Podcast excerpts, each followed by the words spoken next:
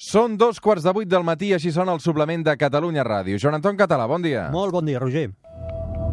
3, 2, 1, seganya!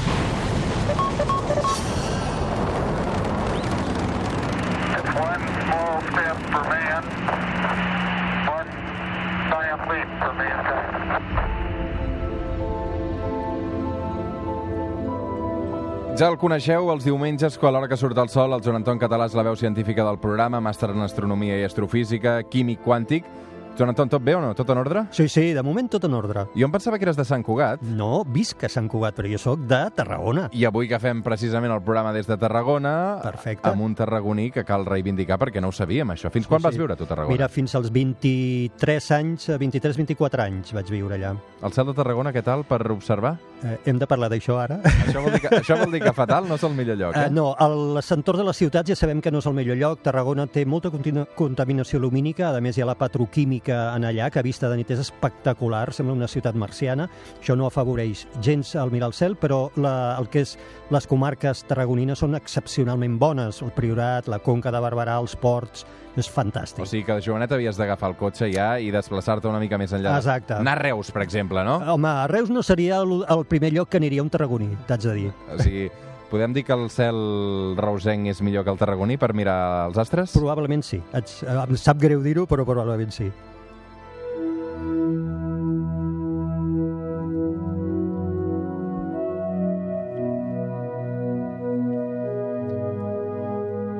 Fent camí cap a les 8 del matí, acompanyats del Joan Anton Català, qüestions sobre l'univers. Abans, però, eh, temes d'actualitat mirant cap al cel. D'entrada, aquesta és la Setmana Mundial de l'Espai. Què vol dir això, Joan Anton? A veure, del 4 d'octubre al dia 10 es celebra aquesta Setmana Internacional de l'Espai, on es commemoren diferents fets eh, i es fan actes a tot el món, diferents fets relatius a l'exploració de l'espai. Per què aquestes dates? De fet, l'altre dia et vaig sentir el Solar, no? A la nit sí, dels ignorants. la nit dels ignorants, que justament en parlàvem, Mhm. el- s'agafen el 4 i el 10, perquè el 4 d'octubre de l'any 1957 hi ha l'Sputnik 1, que va ser el primer enginy humà en orbitar, per tant és una data que es commemora, i el 10 eh, d'octubre del 67 eh, és assenyalat perquè es va fer un pacte d'ús pacífic de l'espai entre les grans superpotències, la URSS, l'antiga URSS, i els Estats Units, i per tant commemorem aquestes dues dates, eh, i la, la ONU ho va declarar com la Setmana Internacional de l'Espai, eh, es fan ja 18 anys, 18 edicions d'aquesta commemoració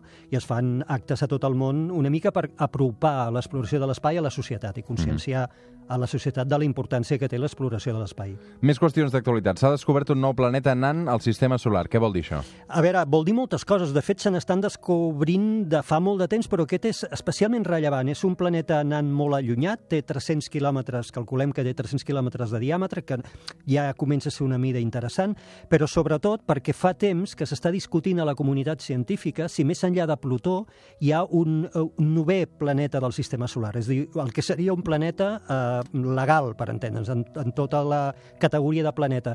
No s'ha descobert, però hi ha alguns indicis que podrien això indicar la seva existència. El fet de que s'hagin descobert eh, eh, petits planetes, Mm, o planetes sigui, nan, nans, eh? nan, que no té la categoria de planeta, seria Sí. com Plutó, eh, que Mhm. va perdre la categoria de planeta, doncs aquest Però seria... la va recuperar, no? No, no, no, no. s'està No. discutint Ah, si l'hauria d'ocupar, però encara segueix sent un planeta nan. Això és un planeta nan també més petit, però per la seva òrbita, la forma que té l'òrbita, ens podria indicar la possible existència d'un novè planeta, Mhm. perquè presenta una òrbita, amb unes pertorbacions i unes característiques que fa sospitar que podria existir encara un novè planeta. Mm -hmm.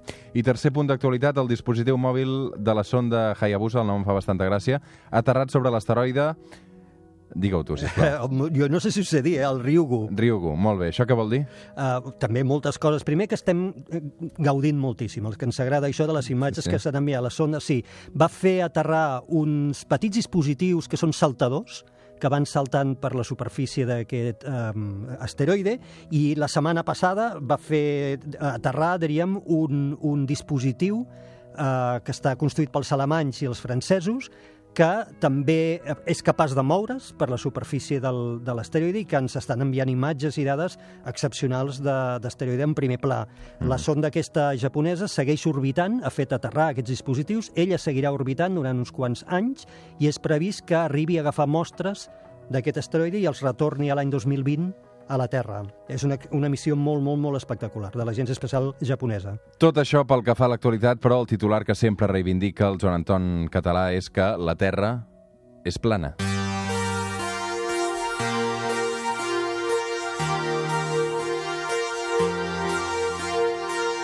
La Terra és plana, l'espai de ciència, el suplement... Eh, De fet, Joan Anton, si la Terra és plana, podem dir que les estrelles tenen cinc puntes? Imagina't, també m'ho van preguntar l'altre dia a la nit dels ignorants. Això mateix, de les cinc puntes. Sí, sí, T'asseguro- eh, T'asseguro que no ens hem copiat, eh? No, és bastant increïble perquè dius, com és possible que de petits ja dibuixem les estrelles amb cinc puntes? Tots ho, tots Però ho fem... se- segurament és eh, per la lluminositat, no? Correcte, sí. Quan mirem, com que fan pampallugues, ens sembla com si produïssin aquests, eh, aquestes línies, no?, que serien puntes. Però això és, ve de molt antic, eh? I això tu li dones a un nen que dibuixa estrelles i ell, de, quasi de forma natural, te les dibuixarà com a estrelles. És una cosa bastant curiosa, sí. Mm Mm uh, va, Joan Anton, entrem, anem una mica al gra, uh, ja, d'entrada. Um, què és una supernova? Mira, eh, les supernoves són grans explosions que signifiquen la mort d'estrelles. Ara, quan n'anem parlant, veurem que algunes estrelles, les més grans, moren en aquestes enormes explosions que en diem supernoves. Per què li diem així exactament? Mira, ve de la paraula nova. La paraula nova s'utilitzava quan amb telescopis els astrònoms del segle XVIII-XIX descobrien estrelles mirant per telescopis en llocs que abans no n'hi havia cap, en deien nova, vol dir una nova estrella. Això eren estrelles, o són estrelles, que produeixen uns cataclismes que fan que augmenti molt la seva lluminositat. Sí que hi eren, però els telescopis no les veien perquè eren molt febles. Doncs supernova ve d'això. Supernova ve d'estrelles encara molt més brillants que aquestes noves que apareixen de forma sobtada en llocs on abans no es veia cap estrella, perquè justament és l'explosió enorme d'aquestes estrelles. Si una estrella pot morir, vol dir que està viva? Sí, mira, això em recordo una anècdota que sempre explico. Una vegada vaig donar una xerrada amb nois i noies que, tenien, que tenen síndrome de Down. Vaig intentar explicar la vida de les estrelles d'una forma molt fàcil i vaig explicar això, la vida de les estrelles. I recordo un noi que es va aixecar molt enfadat amb mi, molt, molt enfadat, i em va dir com pots dir que les estrelles estan vives si no tenen cor? I em vaig quedar clavat, no No vaig saber tenies, què... no tenies arguments per vaig rebatre ten- això. No, impossible, no ho vaig poder rebatre. Sí, les estrelles neixen, viuen i moren. I on neixen aquestes estrelles? Neixen dintre de grans núvols d'hidrogen que n'anomenem nebuloses. Les estrelles són enormes boles de gas hidrogen molt calentes que produeixen la fusió nuclear dins i neixen dins d'aquests grans núvols que anomenem nebuloses. En pocs milions d'anys es, es crea, neix una estrella a partir de la gravetat que a poc a poc fa que aquest gas hidrogen es vagi caient sobre ell mateix i es vagi concentrant. Uh -huh. Què vol dir exactament que una estrella viu?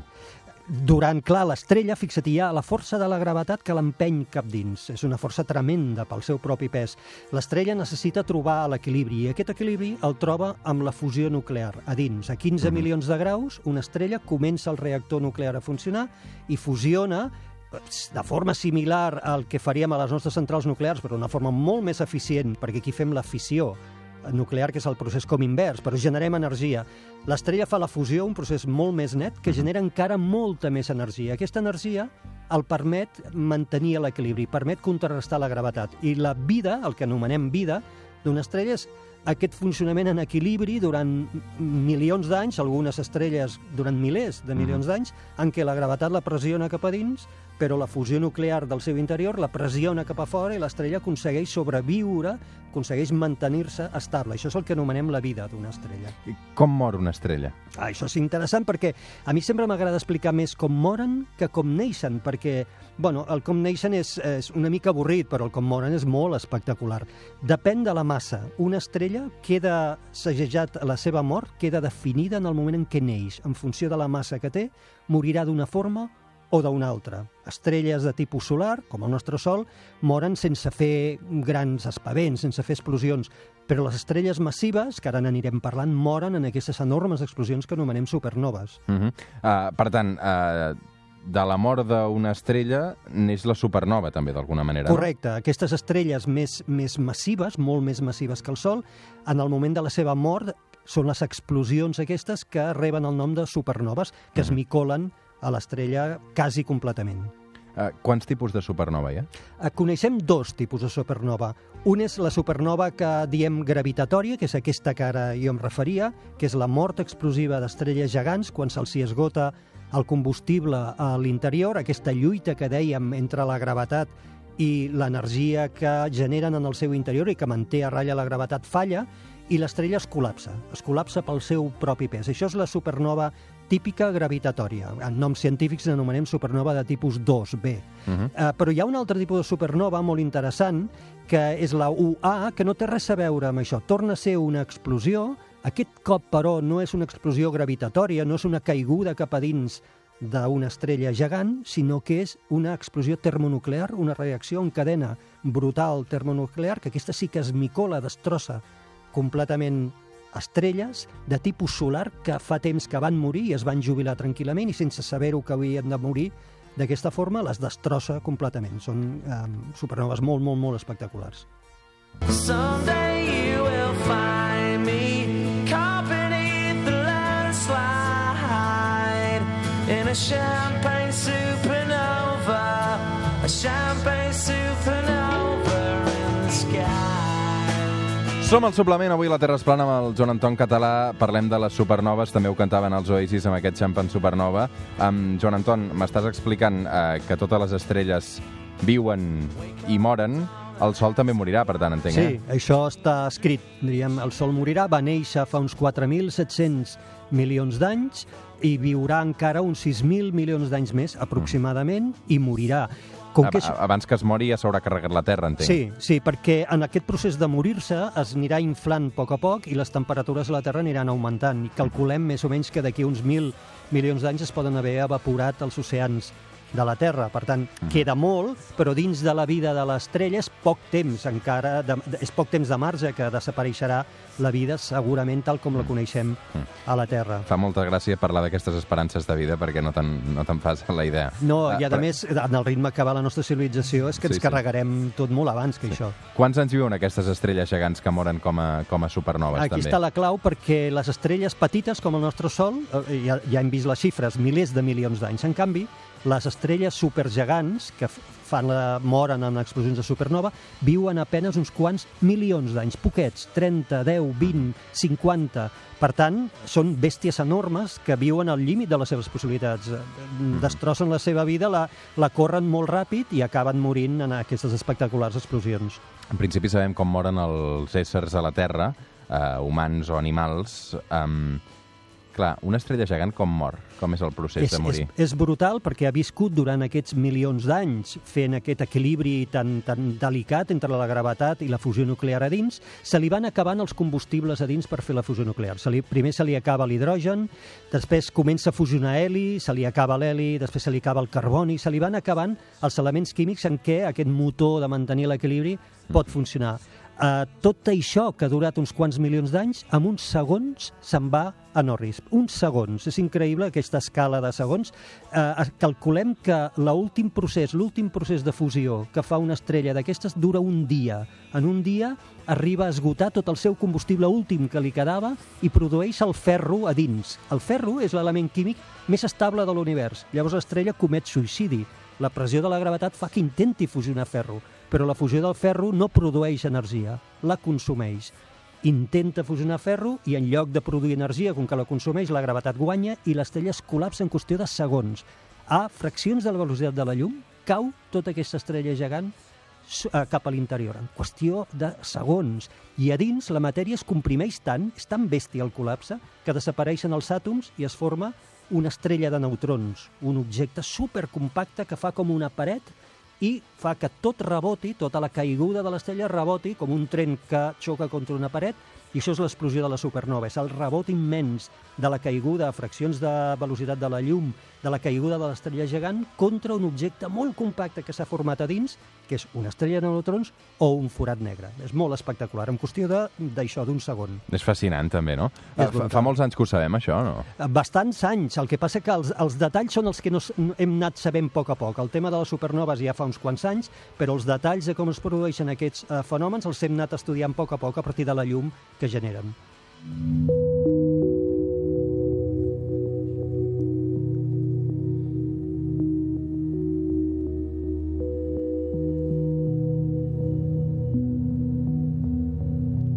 Som al suplement, això és la Terra es plana, amb el Joan Anton Català, Clar, molta gent potser diu, escolta'm, eh, es pot veure una supernova o no?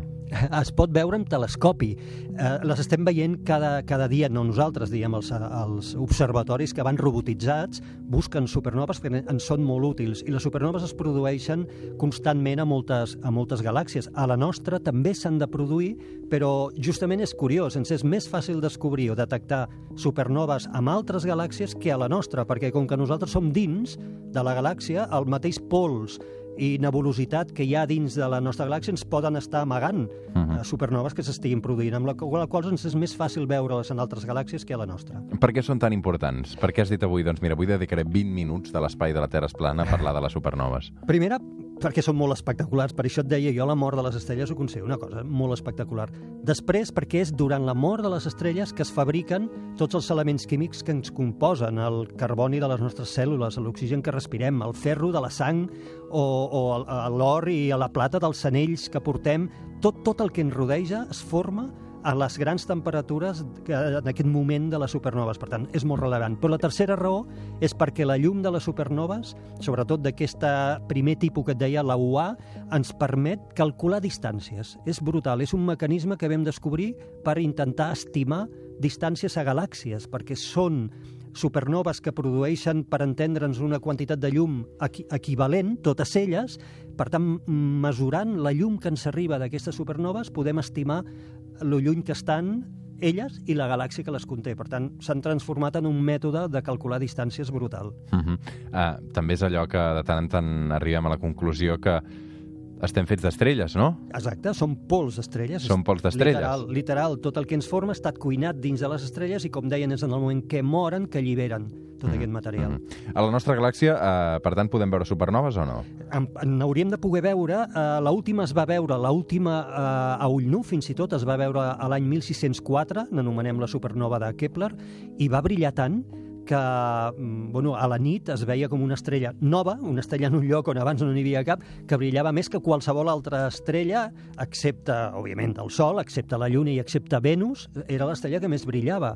Però és l'última que s'ha vist, això és el segle XVII. Per tant, el que sospitem és que se n'han produït d'altres, però com que ens ho amaga la nostra pròpia galàxia, ens amaga aquest fet, ens costa molt detectar-les. Per altra banda, afortunadament, perquè una supernova massa a prop de la Terra podria esterilitzar de vida aquest planeta. Per tant, pot ser perillós. Totalment. És dir, aquesta radiació que emeten, aquesta potent llum d'alta energia que emeten, eh, és molt perillosa per la, per la vida i si tinguéssim una supernova, que afortunadament no en tenim prevista cap o no en tenim detectada cap propera, eh, molt a prop de la Ho podem Terra... detectar, això, si n'han d'arribar, sí, no? Sí, sí, perquè el que podem veure és en la nostra veïnat d'estrelles quantes estrelles gegants velles hi ha, per tant, quantes estrelles amb certa pro probabilitat de convertir-se en supernova hi ha. I afortunadament no n'hi ha gaires, n'hi ha alguna molt interessant, per exemple, al cel de l'hivern eh, tots més o menys crec que reconeixem la constel·lació d'Orió, és molt fàcil de reconèixer, A veure, a veure, a veure, tampoc tan fàcil, eh? Sí, és, bueno, és de les d'hivern típiques, sí. si vols, quan ja anem de cara a l'hivern. Sí, faci més Sí, explicarem com reconèixer aquesta constel·lació, però hi ha una estrella molt brillant de color ataronjat, és molt fàcil de veure, Mhm. que es diu Betelgeuse. Aquesta és una gegant vermella que creiem que està a punt. Com que els astrònoms som així una mica rarets, a punt, vol dir que podria ser demà o podria ser d'aquí un milió d'anys. Mhm. Eh? Però, diríem, eh, seria una estrella propera a convertir-se en supernova, però afortunadament està lo suficientment lluny com perquè no haguem de patir, tot i que serà un espectacle el dia que mori, perquè la seva llum això la convertirà en una estrella rutilant en el cel i fins i tot es podria arribar a veure de dia. Uh -huh. M'han dit que t'he de preguntar per les quilonoves, perquè Eh. hem parlat molt de les supernoves, les quilonoves no vull ni imaginar-me el que són. Clar, ja no sabíem què inventar, no? perquè nova, després supernova, després ha quilonova, ja, ja no sé mm. què tocarà. La quilonova seria la fusió de dues estrelles de neutrons. Sabem que les estrelles de neutrons, quan giren una al voltant de l'altra, van perdent progressivament energia, tal com Einstein predeia, i fa que finalment col·lapsin les dues i, i es fusionin. Aquesta fusió també genera temperatures enormes i llum enorme, molt més que una supernova, com que no teníem nom, en això és el que hem dit quilonova.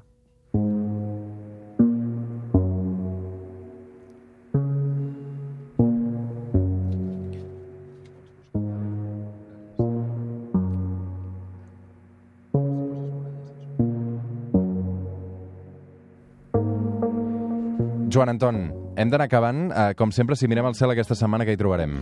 Seguim tenint mar, ja sé que em diràs que estic obsessionat amb mar, però torno a recordar que cada dos anys el tenim en posició favorable i és un d'aquests anys, haurem d'esperar dos anys per veure'l, ja està perdent llum, però encara el tenim a primera hora de la nit cap al sud-sud-oest. Més cap a l'oest, ja una mica més baix, tenim Saturn, i encara més baix tenim Júpiter. El rellevant és que aquesta setmana, el dia 11, que és el dijous, la lluna creixent se situarà visualment molt a prop de Júpiter. És una ocasió magnífica per fer fotos i enviar-les Mhm. uh, per xarxes socials, les poden enviar, si vols, al, al, Arroba el suplement, al arroba el suplement, suplement, i també, si la sí, volen sí. enviar també a Estels i Planetes. Es- Arroba estels i Poden és fer-ho. el perfil de Twitter del Joan Anton Català. I és una ocasió magnífica per enviar aquestes fotografies que es poden fer en una càmera normal. Mhm. Doncs tot això és el que ens explica el Joan Anton Català. Eh, T'hi has fixat, no?, que cada dia ara es fa fos més d'hora, també els Sí, vespres? sí, sí, sí, ja anem de cara a l'hivern, tenim Sí. menys hores de llum. Mi això no m'agrada gaire, tu què? Uh, a mi m'agrada, clar, perquè més temps per observar. Més temps per observar, però a vegades també la llum també ens convé, ja ho és saps, una eh? mica trist, sí, la foscor, però clar, nosaltres el que busquem és foscor, justament. Escolta'm, avui al migdia, quan acabi el programa, bé, el programa avui acabarà a les 4 de la tarda perquè això del concurs de castells eh, s'allarga fins molt tard. Això és la part important. Sí, però potser ens quedarem eh, també a sopar aquí a Tarragona. Algun lloc que no puc perdre o ja no te'n Oh, és recordes? que sí, això, oi, que i tant, que me'n recordo. El problema que tinc és que si el dic puc incórrer amb algun problema amb amics, però jo et recomanaria el Serrallo, el barri pescador. Murallas, murallas de Tarragona, imponente fortaleza que además de su belleza el espíritu impresiona. A veure si vens més sovint, Joan Anton, que et troben a faltar aquí eh, a casa, se't queixen, eh? Hauria de venir més. De fet, la meva mare hi viu, els meus cosins, els meus tiets, hauria de venir més. Uh, sí, hauria de fer-ho. Joan Anton, una abraçada ben forta. Moltes gràcies, Que vagi igualment. molt bé. De seguida Gràcies. tornem aquí, al suplement, des de Tarragona, avui. De